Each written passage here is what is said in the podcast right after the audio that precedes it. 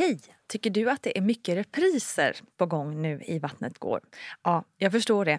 Det beror helt enkelt på att jag, Nina Campioni, just nu har en pop-up second hand i Modgallerian i Stockholm. Så min tid räcker helt enkelt inte tid att göra så många avsnitt som jag hade önskat. Men tills jag är tillbaka på full tid, kom gärna och hälsa på mig i Modgallerian. Vi ses! Even on a budget, quality is non-negotiable. That's why Quince is the place to score high-end essentials at 50 to 80% less than similar brands. Get your hands on buttery soft cashmere sweaters from just 60 bucks, Italian leather jackets, and so much more. And the best part about Quince, they exclusively partner with factories committed to safe, ethical, and responsible manufacturing. Elevate your style without the elevated price tag with Quince. Go to quince.com slash upgrade for free shipping and 365-day returns. A lot can happen in three years, like a chatbot may be your new best friend. But what won't change? Needing health insurance. United Healthcare Tri Term Medical Plans, underwritten by Golden Rule Insurance Company, offer flexible, budget friendly coverage that lasts nearly three years in some states. Learn more at uh1.com. Quality sleep is essential. That's why the Sleep Number Smart Bed is designed for your ever evolving sleep needs. Need a bed that's firmer or softer on either side? Helps you sleep at a comfortable temperature? Sleep Number Smart Beds let you individualize your comfort so you sleep better together. JD Power ranks Sleep Number number 1 in customer satisfaction with mattresses purchased in-store. And now, save 50% on the Sleep Number limited edition Smart Bed for a limited time. For JD Power 2023 award information, visit jdpower.com/awards. Only at a Sleep Number store or sleepnumber.com. Hey, it's Ryan Reynolds, and I'm here with Keith, co-star of my upcoming film If, only in theaters May 17th. Do you want to tell people the big news? All right, I'll do it. Sign up now and you'll get unlimited for $15 a month in six months of Paramount Plus Essential Plan on us. Mintmobile.com slash switch. Upfront payment of $45 equivalent to $15 per month. Unlimited over 40 gigabytes per month. Face lower speeds. Videos at 480p. Active Mint customers by 531.24 get six months of Paramount Plus Essential Plan. Auto renews after six months. Offer ends May 31st, 2024. Separate Paramount Plus registration required. Terms and conditions apply if rated PG. Och sen ligger de, eh, min dotter på bröstet och så säger jag bara, åh min lilla älskling. Och så min man kommer där med sitt nyfikna huvud och bara, men alltså hur älskar du henne? Hon kom ju nyss. Jag bara. Hon har varit i min mage i nio månader. Vi har hunnit lära känna varandra. Hej, hej, hallå kära vänner. Välkommen till Vattnet går med mig, Nina Campioni. Ja men visst är det podden där vi djupdyker rakt ner i den gravida världen och utforskar förlossningar och hittar knep och tips och förståelse för att ibland så kan vi helt enkelt inte kontrollera allt här i livet. Men det blir oftast bra till slut ändå. Jag tackar ödmjukast för att du tagit dig tid att klicka in på just den här podden idag. Väldigt roligt och till er som aldrig gjort det innan, välkommen Välkommen in i gemenskapen som Vattnet går innebär. Det finns en helt underbar mammagrupp på Facebook där man finner tröst, pepp och råd för i stort sett det mesta inom graviditet, föräldraskap och förlossning. Vattnet går mammagruppen heter den, så välkommen även dit. Podden då? Ja, men den har funnits i sju år nu så att du kan ju gissa att det finns en och annan förlossningsberättelse att lyssna på i poddens rika historia. Så missa inte det. Men nu ska jag inte tjata mer utan gå raskt över till veckans gäst som bakar bullar både på det ena och på det andra sättet. Äh, förlåt, jag var tvungen helt enkelt. Ingen bakar nämligen som hon. För veckans gäst är ingen mindre än bakkreatören, kokboksförfattaren, youtubern Camilla Hamid. Eh, och nu blir det extra härligt för alla er som har bett mig intervjua någon som blev mamma ganska tidigt i livet och hur den upplevelsen har varit. Och med oss har vi också som vanligt barnmorskan Gudrun Abascal som kommer in då och då och förklarar ett och annat för oss. Nu välkomnar jag Camilla Hamid.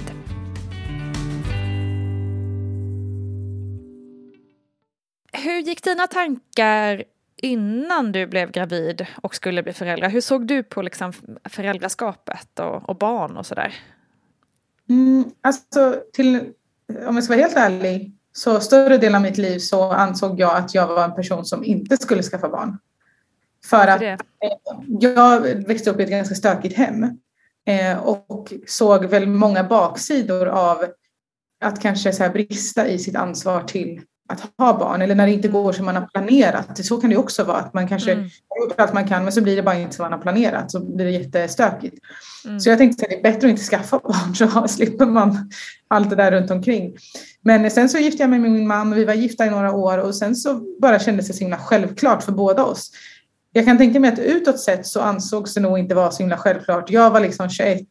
Han, var, han är fyra år äldre än mig så då var, var han då 25. Fem. Mm. Eh, och eh, han hade inte varit i Sverige jättelänge. Jag hade inte ens pluggat klart. Men i min värld såg jag det så här, som att så här, det här är en perfekt tid att faktiskt vara med varandra. För vi har, jag pluggade lärarutbildningen vilket innebar att det var väldigt mycket självstudier. Plugga på egen hand. Väldigt lite så lektionsbaserad undervisning. Han pluggade svenska och hade så deltidsjobb. Jag bara, vi har mycket tid hemma. Eh, men, så att, i, från vårt perspektiv var det liksom en perfekt tid att skaffa barn. Mm. Men eh, den, den, det var inte så här... Jag blev lite chockad för ingen hade pratat med mig om att så här, alla får inte barn. Nej, just det. Man ett jättegammelmodigt eh, sätt. Jag tänkte, men eh, vill man ha barn så är det väl bara att ha sex och så blir man gravid. Alltså. Eh, Bristande sexualundervisning på 90-talet. Ja men fast det var ju så, nu vet jag inte hur det är nu, men det var ju verkligen så här, men så fort du har sex så blir du gravid. Det var ju, Ja. alltså den största skrä- skräcken var ju det man lärde sig, att du blir gravid så himla lätt. Det var liksom, det var ju så man sexualundervisningen var liksom. Så det är inte så konstigt. Men Nej. Eh, hur, apropå det här då att du var ändå relativt ung, vad var liksom omgivningens, hade de åsikter? Omgivningen Oh, ja. om det? Alltså, ja, ja. Alltså, det var till och med till den grad att när jag fick mitt första missfall eh, innan jag fick min dotter eh, så fick jag bemötandet, ja men det var väl lika bra från en barnmorska. Och då, Från en vet, jag- barnmorska? Ja! Hon bara, det var väl lika Oj. bra. Va? Du är fortfarande ung och du har inte pluggat klart. Och så här. Alltså jag fattar vad hon egentligen förhoppningsvis menar. Ja, men det är ett ja, jo. väldigt Ja. osmakligt sätt att Ja, formulera. det, nej, så får man inte säga, herregud. Så, så, så, hon, så hon kom ju, alltså jag kan, det var väl hennes försök att trösta mig. Mm, Eh, Jag var jätteledsen verkligen. mm, Eh, Men eh, det, ja. Så det var, det hon, men hennes reaktion summerar ganska bra hur omgivningen såg på. mm. Alltså folk ifrågasatte bara att vi var tillsammans. Så här, han och en kille från Marocko, jag är en tjej från Sverige, vi är helt olika uppväxt. Helt, alltså så här, de, alla utgick bara från att han bara skulle lämna mig. Mhm. Bara för att han, in, i, så här, han skulle vilja, inte vilja vara med mig egentligen. Så det är liksom redan där. Det är så, ah, men ska du verkligen skaffa barn? Han kommer väl lämna dig. Så här, vi, det var så konstig attityd kring oss. Hela. Ja, vad, måste varit smärtsamt eller?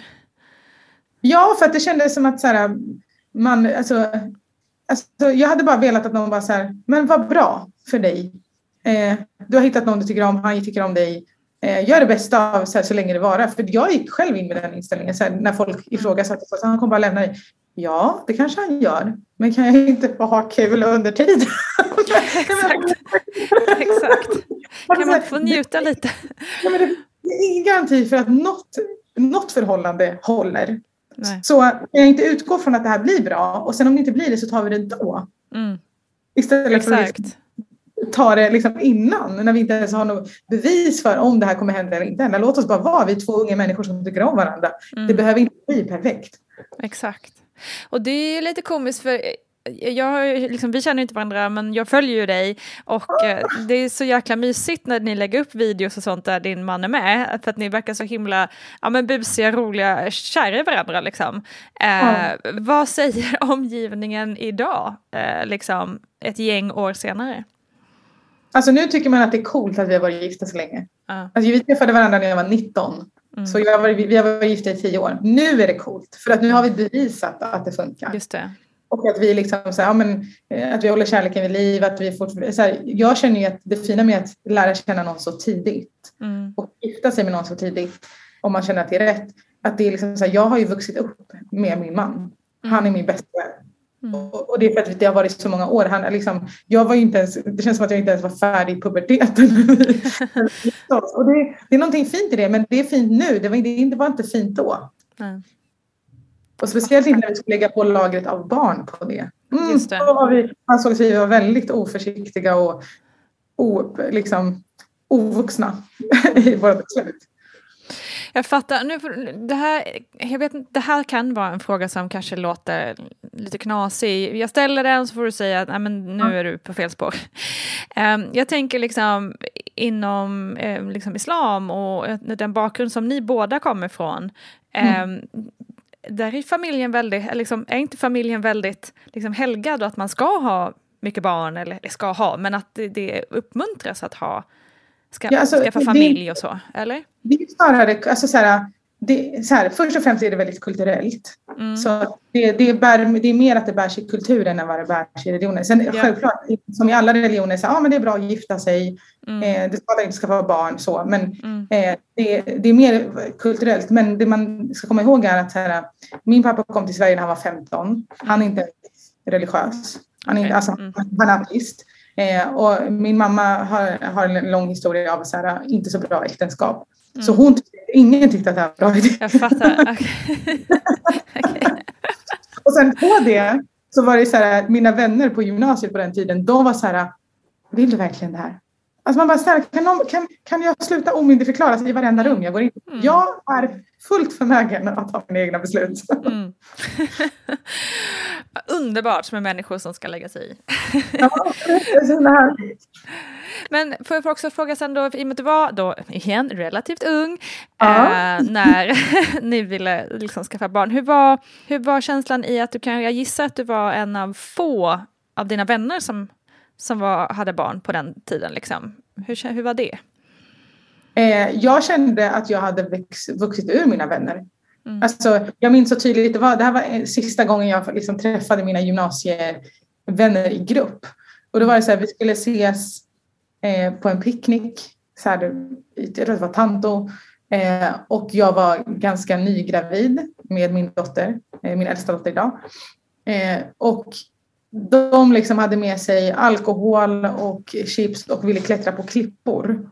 Jag var gravid och hade nyligen varit med om missfall. Jag kände inte att det här liksom var... Jag var så här, alltså jag ville bara att någon skulle säga okej okay, men Camilla är gravid så vi kanske inte ska klättra upp på den här klippan. Men det gjorde ingen och då fattade jag så här, det handlar inte om att de, alltså de är inte där än. Nej.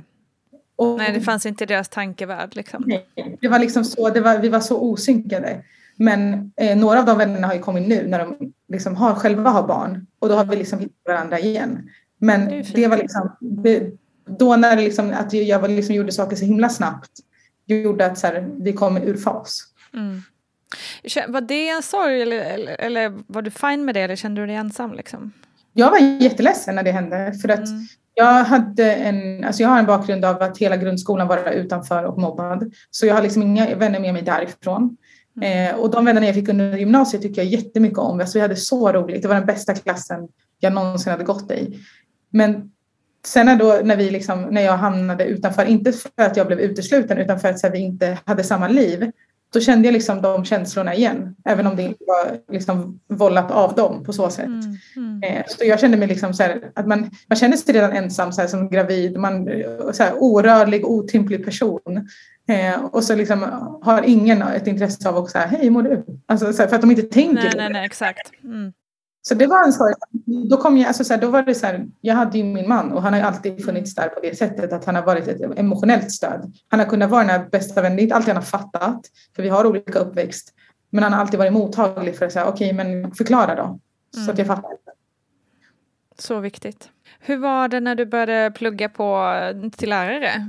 Fann du liksom någon annan typ av gemenskap där eller kände du dig fortfarande så här, den här, som, som den gravida mamman eller den unga ja. mamman eller du vet? Alltså, det var lite delat för att det som är fint med högskolan är att där är det inte så att alla börjar samtidigt i Exakt. samma ålder. Det liksom var en mix av alla möjliga människor. Det fanns föräldrar, det fanns några som kom direkt från gymnasiet, det kom folk som var äldre som ville skola om sig. Och det gjorde så att man, ingen kände sig konstig för att alla hade sina mm. egna liv. Men min dotter var ju väldigt ny när jag började plugga till lärare, vilket gjorde att det blev flera gånger som jag drog med henne till mina obligatoriska seminarier om förskolan var stängd. Ja, på den tiden om barnet var lite snorig, ja, då tog man med sig ungen. Inget jag är stolt över idag i dessa konflikter. det är liksom, alltså, jag har ammat i en föreläsningssal. Jag har blivit ombedd av eh, manliga lärare att jag inte borde vara där på grund av, jag fattar så här, men jag har alltid varit den som har meddelat innan. Alltså så här, mm. Jag har inte bara dykt upp med en unge utan jag har så här, informerat så här, den som är ansvarig för utbildningen. Säger, Hej, idag har förskolan stängt, det är obligatorisk mm. närvaro, är det okej? Okay? Och så har jag fått ett mm. okej okay, men då har inte det kommunicerat så då blev jag liksom förutom att jag redan satt där i en väldigt sårbar situation med ett barn i en föreläsningssal så ska liksom den med mest makt poängtera sen, du borde inte vara här. Mm. Eller bara utgå från att ja, men, Eh, det här, jag kunde få en kommentar så här, men kan inte hon vara med sin pappa? Ja, Okej, okay, alltså han har ett deltidsjobb där begräns, antalet pass är ytterst begränsade. Mm om jag kan ta med henne och han fortfarande kan jobba så att ekonomin går runt, är inte det en bra idé då? Nej, men det är också så roligt att man så här, tar, liksom, om man har med sig ett barn till en föreläsning, oftast är det för att det inte finns något annat alternativ. Alltså, det är ganska vanligt att det är så. Det är inte för att man tycker, själv tycker att det är särskilt kul eller mysigt eller liksom. Nej men exakt. Ja. Och det var bara manliga lärare som hade något då? Ja, det, väldigt, det, var, det var en, en eh, kvinnlig lärare som sa, men eh, det, då tänkte jag bara så här, det är okej. Hon bara, alltså så här, jag förstår om man blir distraherad. Jag är själv lärare idag så jag vet. Men det som, för mig blev det så ironiskt. Jag bara, vi kommer ju själva jobba med barn. Ja, exakt. Så alltså, vi kan inte ha ett problem med att ett barn är här en gång. Det blir också fel. Mm. Ja, intressant. Jag tog mig igenom den utbildningen då. Det är ändå verkligen props på det. Det roliga var att eh, jag, var, jag var gravid med min andra dotter sista terminen på utbildningen. Eh, och jag, vi skulle lämna in vårt examensarbete eh, två dagar innan hennes beräknade förlossningsdatum. Wow. Även om jag i mitt sinnesfulla bruk förstår att beräknat förlossningsdatum är en Alltså det är en flexibel siffra. Ja. Så jag, jag lämnar in innan jag föder bara. Mm. Eh, hon föddes två dagar innan. Nej. Jag föder henne och räknar ner hur många timmar jag har kvar till att jag ska opponera på min uppsats. Nej, sluta. och Nej. jag tackar henne på min opponering. Nej, lägg av. Det här alltså, är starkt. De har skolats in i akademiska miljöer från det att de har varit i min livmoder. Alltså jag tänker bara så här, finns det något kvinnor inte kan göra? Man bara, hur, liksom det är helt sinnessjukt. Så jävla starkt. Shit alltså. Det är, plikt, det är plikten före allt liksom. Ja, oh ja. Ja, men jag vill ju inget annat än att bara bli klar. För, att Nej, för mig är det ett jätteviktigt mål att bara bli klar med min utbildning. Mm. Det, det, finns, jag har inte sett någon annan kvinna i min släkt liksom, ta examen, inte ens ta studenten. Så alla de här målen var så viktiga för mig. För jag var så här, om jag gör det, då blir det självklart för mina barn. Så jag, behöver, jag, jag såg det som så här, en, ett jättestort ansvar att bryta generationsmönster. Mm. Därför var jag sån stenskalle. Alltså, när min första dotter föddes så var jag på väg till en, alltså en tenta. och vet, jag har verkligen, jag går fram och tillbaka på tunnelbaneperrongen. Jag var så här, ja, ja, hon kommer inte nu. Jag hinner göra tentan. Alltså, men jag, det är dumt att tänka så, men jag, jag var så inne i så här, nej men ja. jag, det, plikten kallar. Detta måste vi göra. Ja men det är fan, det är, det är lite sjukt, men det är framförallt så imponerande och coolt att man liksom känner att man har ett högre mål också på något vis. Liksom. Ja, men jag eh. rekommenderar ingen att utföra det på det sättet. Det finns bättre sätt. det finns andra sätt att göra det på. Men du, vi backar lite till um, där liksom, du hade fått ditt missfall där. Hur var tankarna att liksom försöka igen? Eh, jag bara, alltså, så här, vi bara fortsatte. Det var jättejobbigt. Och du vet, alltså, jag gjorde ju det här misstaget första gången jag blev gravid innan missfallet. Att jag gick och köpte bebiskläder. Mm. Alltså det var en sån rookie mistake. Mm. Att jag liksom, för då, då blev det plötsligt, man börjar föreställa sig och konkretisera.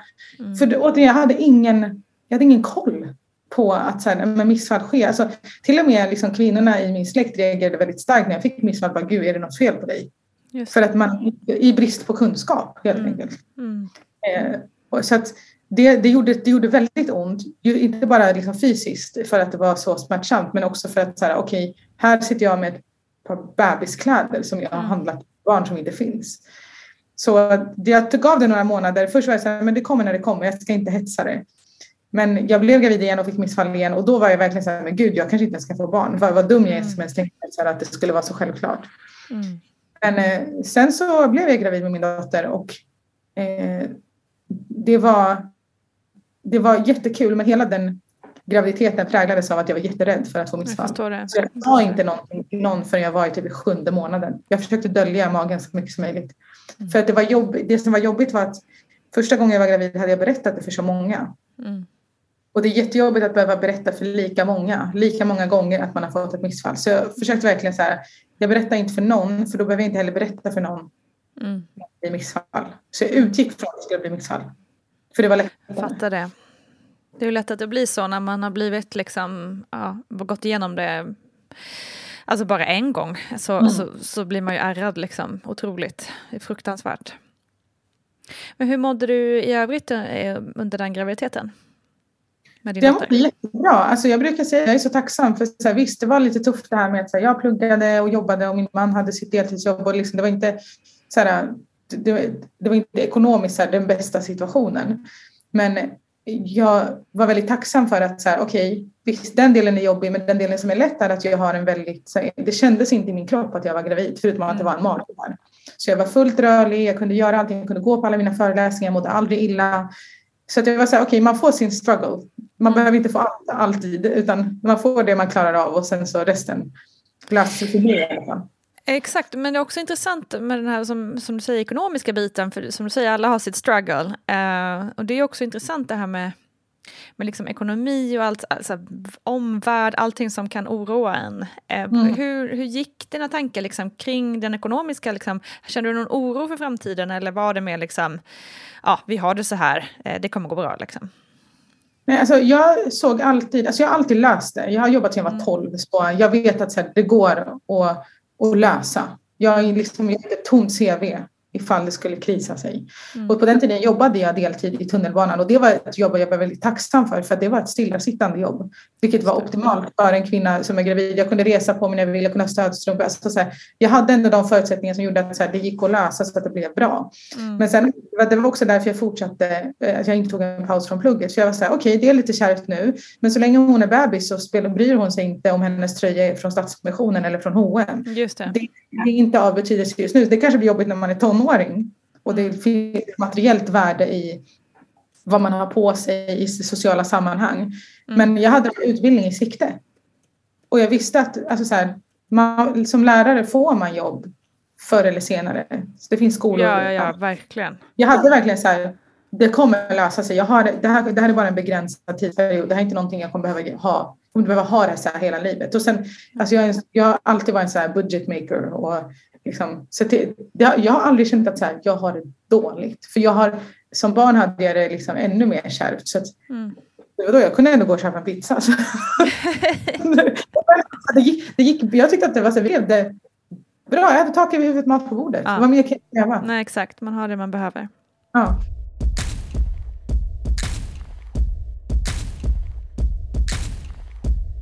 Du, vi, vi snabbspolar lite då till den här tentan som du skulle skriva. Och, och gick och hade verkar inför. Ja. Hur startade alltså, det liksom? Det här var en sån tenta där man fick ha med sig läroböckerna till tentan. En salstenta. Och eftersom att de, då läste jag civilingenjör så det var väldigt så här, tjocka fysikböcker och matteböcker. Så då hade jag bett min man, så här, men kan inte du följa med mig till skolan så att du kan hjälpa mig bära de här böckerna, för jag mm. orkar inte i och med graviditeten. Eh, och jag känner av lite så här småverkar under morgonen, även på vägen. Men sen, sen när vi kommer till tunnelbanan, precis innan jag ska ta den här Mörby centrum eh, tunnelbanan, så börjar jag känna så här, okej, okay, men alltså, nu börjar det bli ganska intensivt här. Jag går fram och tillbaka på perrongen, men jag, man, jag har hört att så här, okay, men som förstföderska, det tar ändå tid. Mm. Så det, jag behöver inte hetsa. Liksom. Just det. Eh, men det var faktiskt fram till att jag kom fram till stationen, eh, Tekniska högskolan, som jag var så här, fast alltså nu, alltså det finns en omtenta om tre veckor.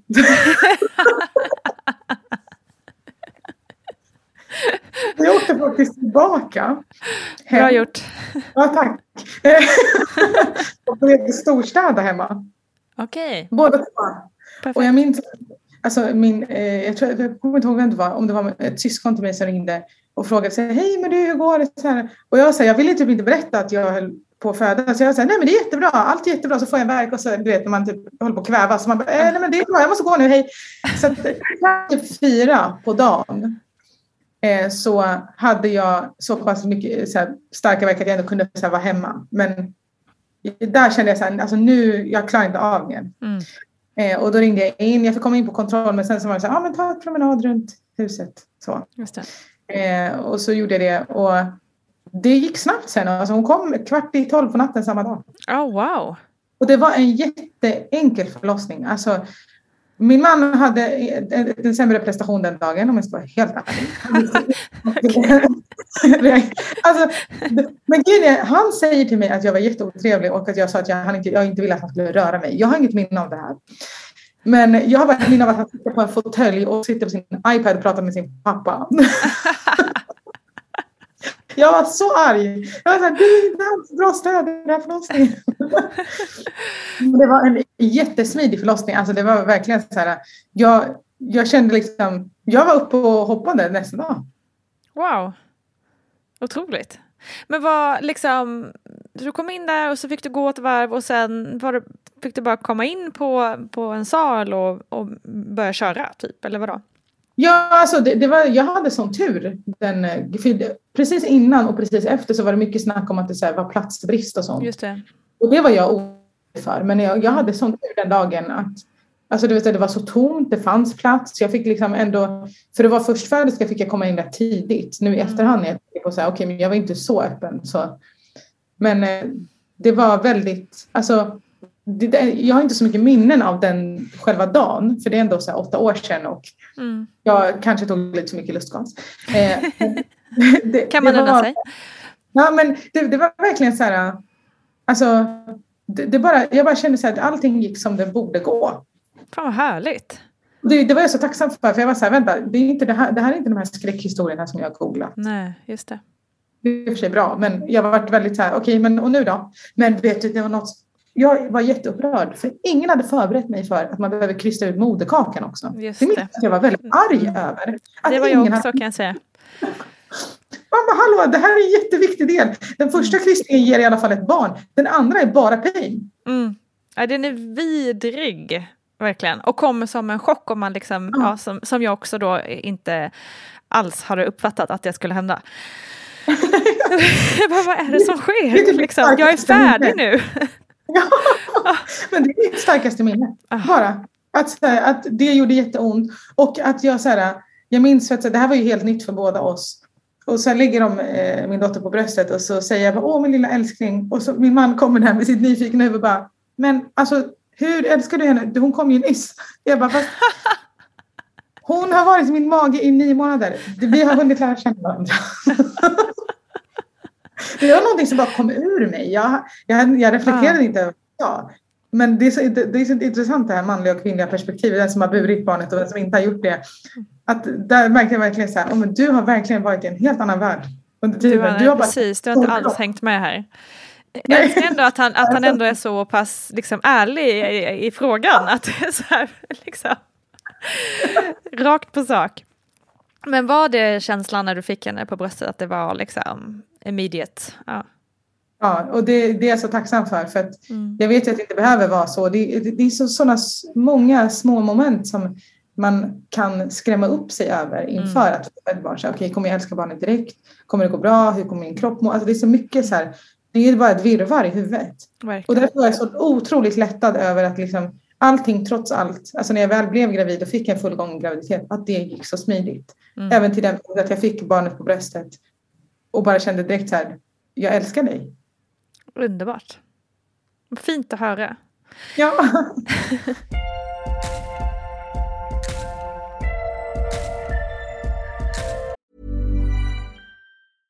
Hej, I'm Ryan Reynolds. At Mint Mobile, we like to do the opposite of what Big Wireless does. They charge you a lot, we charge you a little. So naturally, when they announced they'd be raising their prices due to inflation, we decided to deflate our prices due to not hating you. That's right. We're cutting the price of Mint Unlimited from $30 a month to just $15 a month. Give it a try at mintmobile.com slash switch. $45 upfront for three months plus taxes and fees. Promote for new customers for limited time. Unlimited more than 40 gigabytes per month. Slows. Full terms at mintmobile.com. A lot can happen in three years, like a chatbot may be your new best friend. But what won't change? Needing health insurance. United Healthcare Tri Term Medical Plans, underwritten by Golden Rule Insurance Company, offer flexible, budget friendly coverage that lasts nearly three years in some states. Learn more at uh1.com. Hey, it's Ryan Reynolds, and I'm here with Keith, co star of my upcoming film, If, only in theaters, May 17th. Do you want to tell people the big news?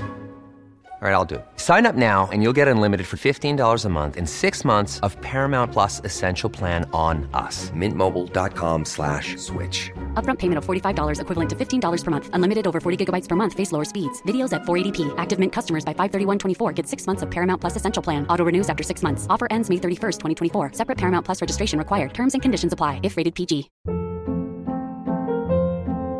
Hold up. What was that? Boring. No flavor. That was as bad as those leftovers you ate all week. Kiki Palmer here, and it's time to say hello to something fresh and guilt-free. Hello Fresh. Jazz up dinner with pecan-crusted chicken or garlic butter shrimp scampi. Now that's music to my mouth. Hello Fresh. Let's get this dinner party started. Discover all the delicious possibilities at hellofresh.com. This is Paige, the co-host of Giggly Squad, and I want to tell you about a company that I've been loving, Olive and June. Olive and June gives you everything that you need for a salon quality manicure in one box. And if you break it down, it really comes out to $2 a manicure, which is absolutely insane. It's also so easy to get salon worthy nails at home with Olive and June. The difference between how your nails used to look when you did them yourself and now with the Manny system is a complete game changer. The best thing about Olive and June too is it's a quick dry. Dries in about one minute, lasts for five days, and full coverage in up to one to two coats. Visit oliveandjune.com slash perfectmanny20 for 20% off your first system. That's oliveandjune.com slash perfectmanny20 for 20% off your first system. Ja,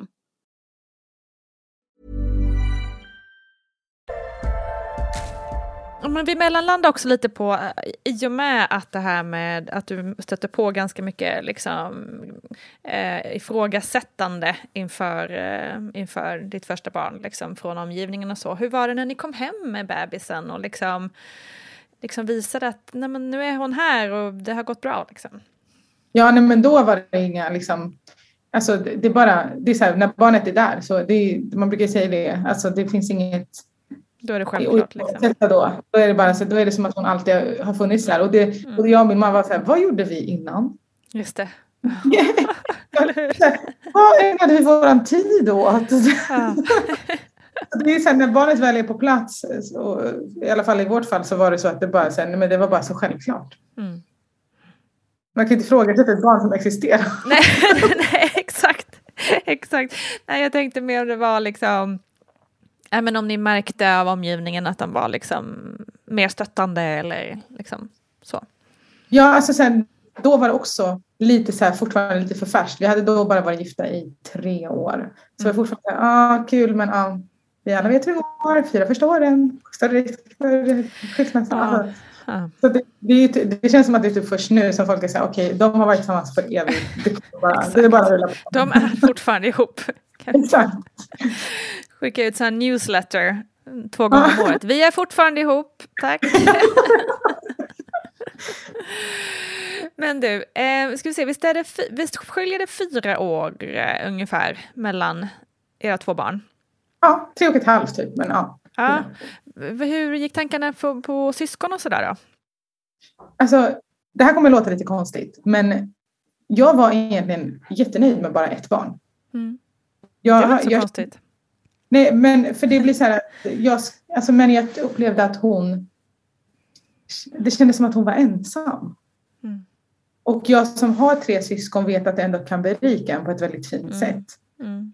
Och för jag, jag har alltid tänkt så här, men jag vill inte ha, alltså så här, jag vill ha så många barn så att jag verkligen kan ge mycket tid åt varenda, en så här one-on-one tid. Mm. Syskon underhåller ju varandra så man får ju mycket tid så här, socialt umgänge så. Men jag var verkligen så här, jag som förälder vill kunna så här, ha mycket tid och prata och diskutera och umgås på det. Men jag var så okej, men hon behöver nog ett syskon i alla fall för att, eh, för att det ska liksom, ja, men vara lite roligt här hemma. Det känns så här, Mm. Hur är det då att vara så här, ett barn med två vuxna? Nu är min man lite som ett barn, men var, jag var, men syskon är nice. Min erfarenhet är att syskon är nice. Så ett syskon. Mm. Eh, Men jag var inte redo för det rent fysiskt och mentalt förrän eh, tre och ett halvt år senare. Men det var, hängde också ihop med att här, jag var så här, jag kan inte ha en till liten mitt i utbildningen. Just Utan jag var så här, kan åtminstone födas precis efter jag har tagit examen. För det är ändå så här, ja, men då blir det inte glapp i min så här, yrkeslivserfarenhet för då går jag direkt efter examen och på mammaledighet och kan sen börja jobba kontinuerligt som lärare. Alltså att man ens planerar egentligen. Ja. Men, men det var i mitt då det jättebra. Eh, så det, det var liksom det som var, jag var nöjd med ett men jag kände verkligen så här, men det är kul att ha ett syskon. Så därför så. Mm. Och vi började testa och då tänkte jag så här, men förra gången tog det tid så det kommer ta tid den här gången också. Icke. Mm. Inte det nej. nej. Vi hoppades på att de skulle komma typ en månad efter examen, inte en, två dagar innan mitt examensarbete ska in. Men återigen, man kan inte planera livet på det sättet.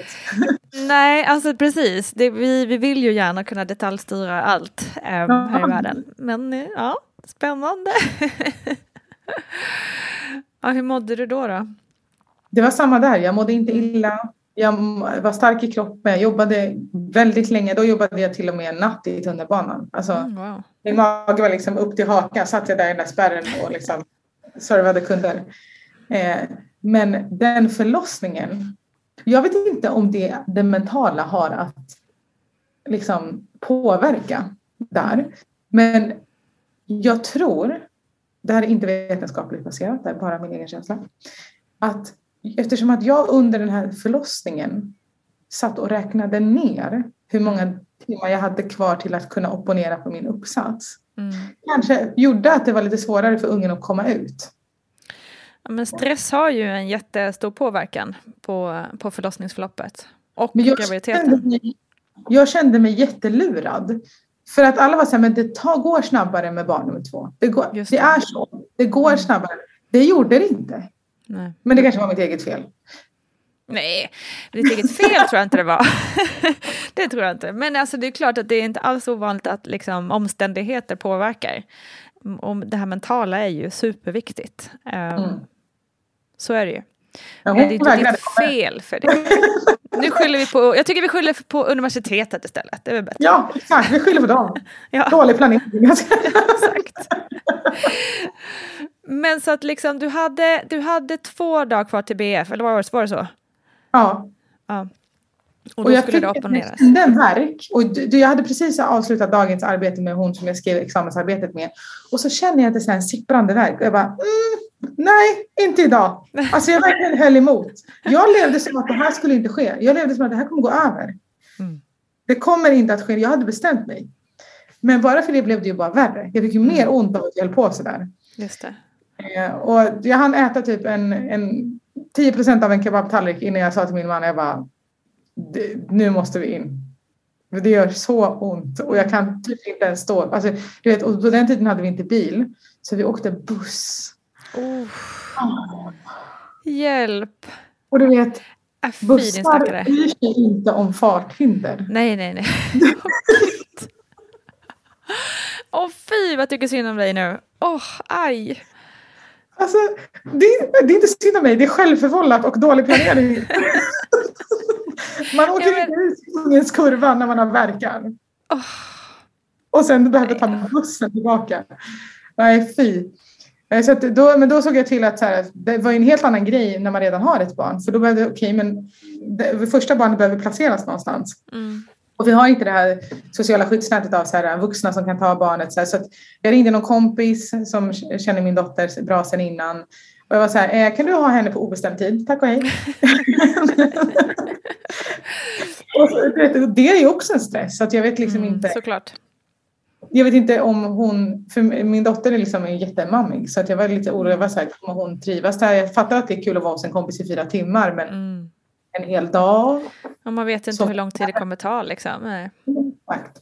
Så det, var, det, det var det orosmomentet också, oron över att kunna avsluta min utbildning. För jag var stressad också över att ingen kull hade börjat efter oss. Så om jag inte gjorde opponeringen då så skulle jag behöva vänta två år på att ta examen. I ain't doing that. Men va? Ja, Det var gud. det som varför jag var så envis om att bli klar just då. Ja, ja, ja, men det fattar man ju. Herregud, ja. Är det, hade det varit det enda alternativet? Ja, Nej, vad sjukt. Men jag bad faktiskt om hjälp. Min dotter föddes två dagar innan. Så jag hann få ut henne och liksom sova typ en natt. Eh, en kvarts natt kanske. Innan det var dags att opponera på uppsatsen. Och då var jag så här, jag kan inte ta med mig ett spädbarn in på en opponering av en uppsats.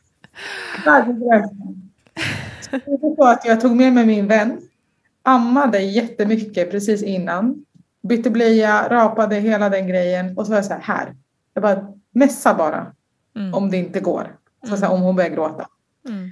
Och, men jag hade sån tur. Hon opponeringsledaren var kvinna.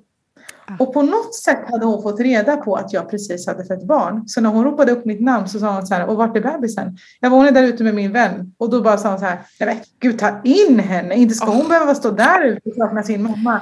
Och vet, jag bara slappnade av. Och bara så här, då kunde jag säga, okej, okay, men hon är okej okay med det här. Ah. Så nu kan jag fokusera på det jag faktiskt är här för att yeah. göra. Yeah. Så hon satte wow. ribban och henne att tacka än idag för att jag faktiskt mm. tog examen. Men alltså gud, alltså det är ju helt sjukt att du överhuvudtaget stod upp och gjorde det här. Alltså det är så otroligt starkt. Men det var jätteskönt. Alltså jag var, jag, det var verkligen så här, okej okay, antingen så vilar jag, alltså den här, för den, den opponeringen var bara tre timmar. Mm. Det var tre timmar av hela mitt liv mm. som skulle avgöra om jag fick examen idag eller om två år. Mm. Och om två år kommer inte jag ha det här färskt i huvudet. Just så jag kommer förmodligen prestera mycket sämre och behöva lägga mer tid på att plugga inför det. Mm. Och jag gjorde det ju också tillsammans med en vän som inte var gravid och inte hade barn som förmodligen också vill ta examen. Så jag var så här, jag lägger bara de här tre timmarna nu, sen får jag slappna av, sen är jag klar. Mm, mm. Och det är jag så glad för idag, även om det, är inte optimalt. Jag rekommenderar ingen att göra det här så som jag gjorde det. Man gör inte det. Alltså, så här, det planera bättre. Ha sex senare bara. håll, håll dig i några veckor. Men jag är otroligt tacksam för att sen då kunde jag verkligen lämna skolan. Mm. Och, var, och då var jag beredd på att börja jobba som lärare. Mm. Men då, Känslan när du blev godkänd måste ju varit helt otrolig. Ja. Alltså speciellt efter allt jag liksom, all anspänning jag hade i kroppen. Mm. Mm. Att efter en förlossning, så här, nyförlöst, du, så här, helt plötsligt så bara läcker dina bröst och du känns som ett så här, sår. Och så ska du stå där och vara så akademisk. Alltså. Exakt. Det är det som är liksom helt obegripligt. Jag bara känner mig själv, man så här, sunkade runt i en morgonrock med de här megatrosorna med en superstor binda mellan benen och bara... liksom. Jag hade sån tur, jag bodde jättenära skolan.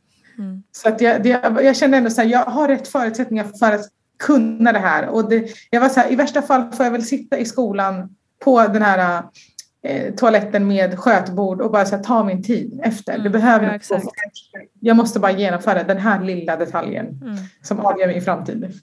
Ja men det är ändå otroligt. Fasen alltså, öde, ödesmättat på något vis. Ja. Så otroligt. Men du, vi, vi gick igenom förlossningen så snabbt där, men hur gick den i övrigt? Du sa att det, det gick ju långsammare än du hade tänkt. Eh, ja. Men hur gick den i övrigt liksom? Där var min man mycket bättre förberedd. Mm. Alltså han, där, det där var hans, han skulle kunna få diplom för sin insats mm. under den förlossningen. Han hade lärt sig alla knep för att underlätta, du vet när man trycker ihop höfterna vid en verk. Det där var det bästa han någonsin hade kunnat göra. Han visste hur han skulle prata med mig och rent känslomässigt så ville jag ha honom där. Första gången så bara så här, snälla bort från mitt ansikte, jag vill inte ha det här. Mm. så jag vet inte om det är det så här rent, det har jag alltid undrat över. Så här, är det hormonellt hur man känner inför andra individer eller sin partner runt omkring under förlossningen? Eller bara så här, beroende på hur, alltså så här, jag vet inte, man kan, ju, man kan ju få för sig att någon doftar äckligt. Ja, exakt, precis. Jag vet inte om de har med varandra att göra, men den förlossningen ville jag ha honom där. Men han var ju också ett jättebra stöd. Mm. Jag hade förberett oss på ett helt annat sätt. Och jag hade sånt, alltså, vet, när jag säger det här högt så inser jag så här, fan vilken timing. Den dagen jobbade min kompis. Nej. Bara, jo. Vad det var så sjukt. Jag kunde bara ge henne en blick och hon visste. Jag behövde liksom inte mm. vara så verbal mm. i mitt eh, verkarbete över vad jag behövde och inte. Gud, jag inser att jag har förtänkt det. Nu när vi pratar som jag bara, just det, och det där hände, och det där hände. det var härligt att gå igenom igen. Ja, det var länge sedan. men, eh, men du, alltså, när du säger att det tog lång tid, hur lång, hur lång tid tog det faktiskt då? Alltså, hur länge var ni inne där? Eh, jag kom in på så här, jag kom in på natten. Eh, den 20, alltså natten till den 26, så 25 var jag inne. Mm. Men hon föddes inte förrän på natten den 26. Ja, okej. Och det var, för mig var det lång tid för att det hade gått snabbare förra Såklart. gången. Ja, jag ja, hade präntat med föreställningen om att det går alltid snabbare den andra gången. Exakt, det ska gå ännu snabbare, typ nästan hal- hälften så lång tid. Typ. Ja men exakt, och det var det som jag var inställd på. Så när det inte Mm. hände så upplevde jag det som en ocean av tid. Ja, Samtidigt som jag höll på att räkna ner till något annat. Alltså jag räknade inte ner till min Såklart. dotters födelse, jag räknade ner till ett examenstillfälle. Helt rimligt. Vi pratar alltså om eh, vad det är som gör att man ena förlossningen liksom verkligen inte vill ha sin man i sitt ansikte och liksom hjälpa till med jobbet. Och på nästa förlossning tycker det är fantastiskt att han är i närheten, till exempel. Alltså att det kan vara så stor skillnad på, på två förlossningar. Är det hormoner eller vad är det som gör, tror du? Ja, visst är det här spännande, men det här blir ju bara spekulation från min sida. För visst har jag varit med om att träffa kvinnor, det har varit med flera gånger eh, där man fött barn och där de har ett olika sätt att förhålla sig till sin, till sin man.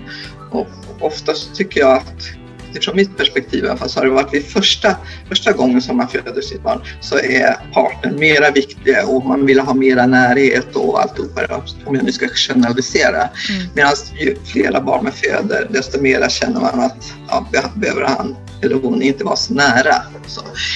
Och sen Ja, vad har det att göra med? Jag tror att ibland att man, man är väldigt känslig för till exempel dofter och ljud och Mm, sådana saker. Och det kan sä- säkert förändras att ena gången så är man inte alls känslig för de här dofterna utan det, som partnern har och ljuden. Så att, utan tvärtom så kanske det attraherar en medan nästa gång så är man i en annan mood. Eh, och så blir så. Jag tror inte att det är hormonerna direkt som, som gör, eh, gör att man att, att de är olika för det är samma slags hormoner som man producerar oavsett vilket barnordningen är. Men ja, här blir det bara lite gissningar från min sida. Ja. Och vad jag varit med om själv liksom, när jag har hjälpt kvinnor att föda barn. Ja men precis och där kan vi ju vara ganska trygga i att du har ganska lång erfarenhet ändå. Okej då. Ja.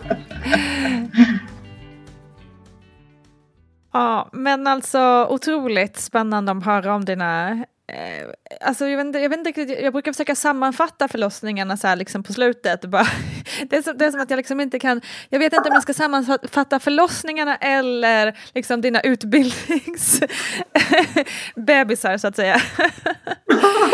Men eh, alltså väldigt eh, spännande ändå att livet kan gå hand i hand på, på två så otroligt viktiga plan. Det är ändå fint på något sätt. Verkligen. Och det, det är också det som är så här.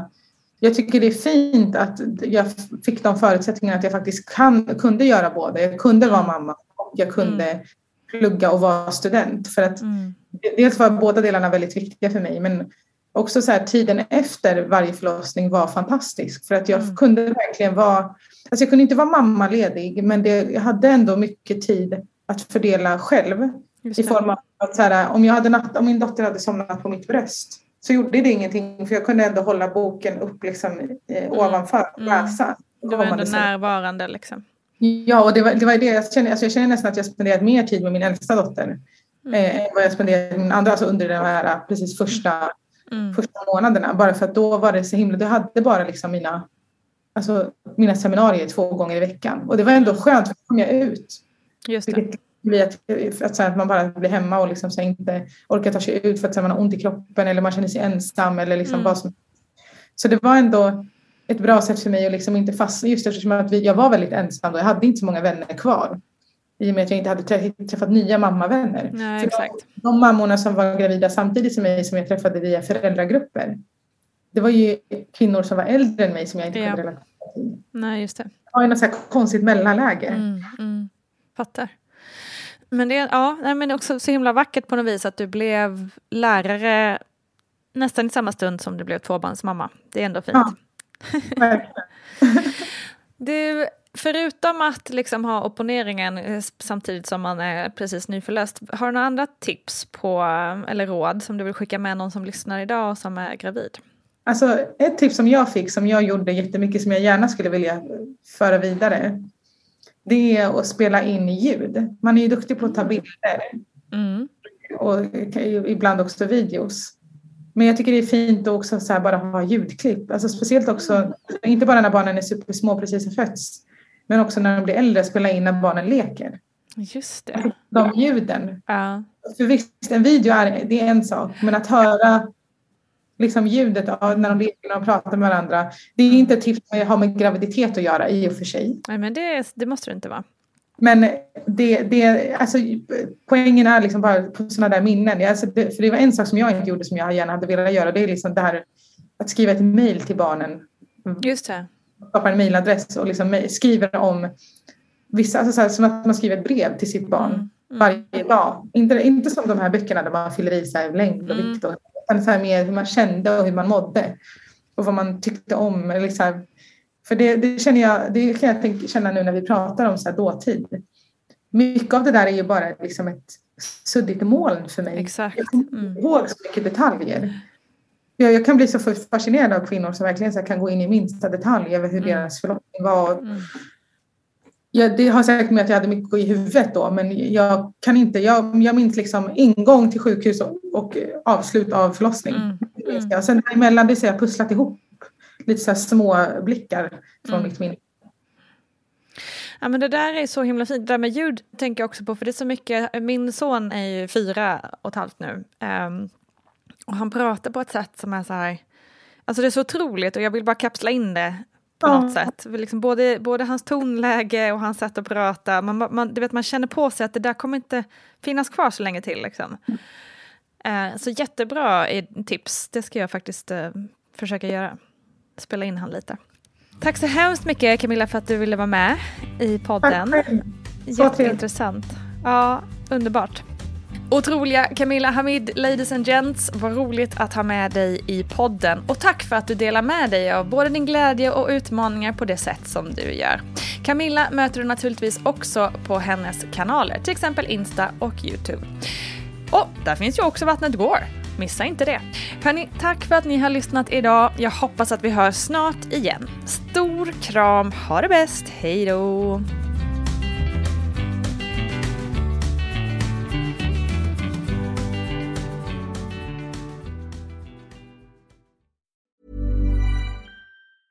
Ever catch yourself eating the same flavorless dinner three days in a row? Dreaming of something better? Well, HelloFresh is your guilt-free dream come true, baby. It's me, Kiki Palmer. Let's wake up those taste buds with hot, juicy pecan-crusted chicken or garlic butter shrimp scampi. Mm. Hello Fresh. Stop dreaming of all the delicious possibilities and dig in at HelloFresh.com. Let's get this dinner party started. Even when we're on a budget, we still deserve nice things. Quince is a place to scoop up stunning high-end goods for 50 to 80% less than similar brands. They have buttery soft cashmere sweaters starting at $50, luxurious Italian leather bags, and so much more. Plus, Quince only works with factories that use safe, ethical, and responsible manufacturing. Get the high-end goods you'll love without the high price tag with Quince. Go to quince.com slash style for free shipping and 365-day returns. Hi, I'm Daniel, founder of Pretty Litter. Cats and cat owners deserve better than any old fashioned litter. That's why I teamed up with scientists and veterinarians to create Pretty Litter. Its innovative crystal formula has superior odor control and weighs up to 80% less than clay litter. Pretty Litter even monitors health by changing colors to help detect early signs of potential illness. It's the world's smartest kitty litter. Go to prettylitter.com and use code ACAST for 20% off your first order and a free cat toy. Terms and conditions apply. See site for details. Imagine the softest sheets you've ever felt. Now imagine them getting even softer over time. That's what you'll feel with Bowl and Branch's organic cotton sheets. In a recent customer survey, 96% replied that Bowl and Branch sheets get softer with every wash. Start getting your best night's sleep in these sheets that get softer and softer for years to come. Try their sheets with a 30-night guarantee. Plus, get 15% off your first order at bowlandbranch.com. Code BUTTERY. Exclusions apply. See site for details.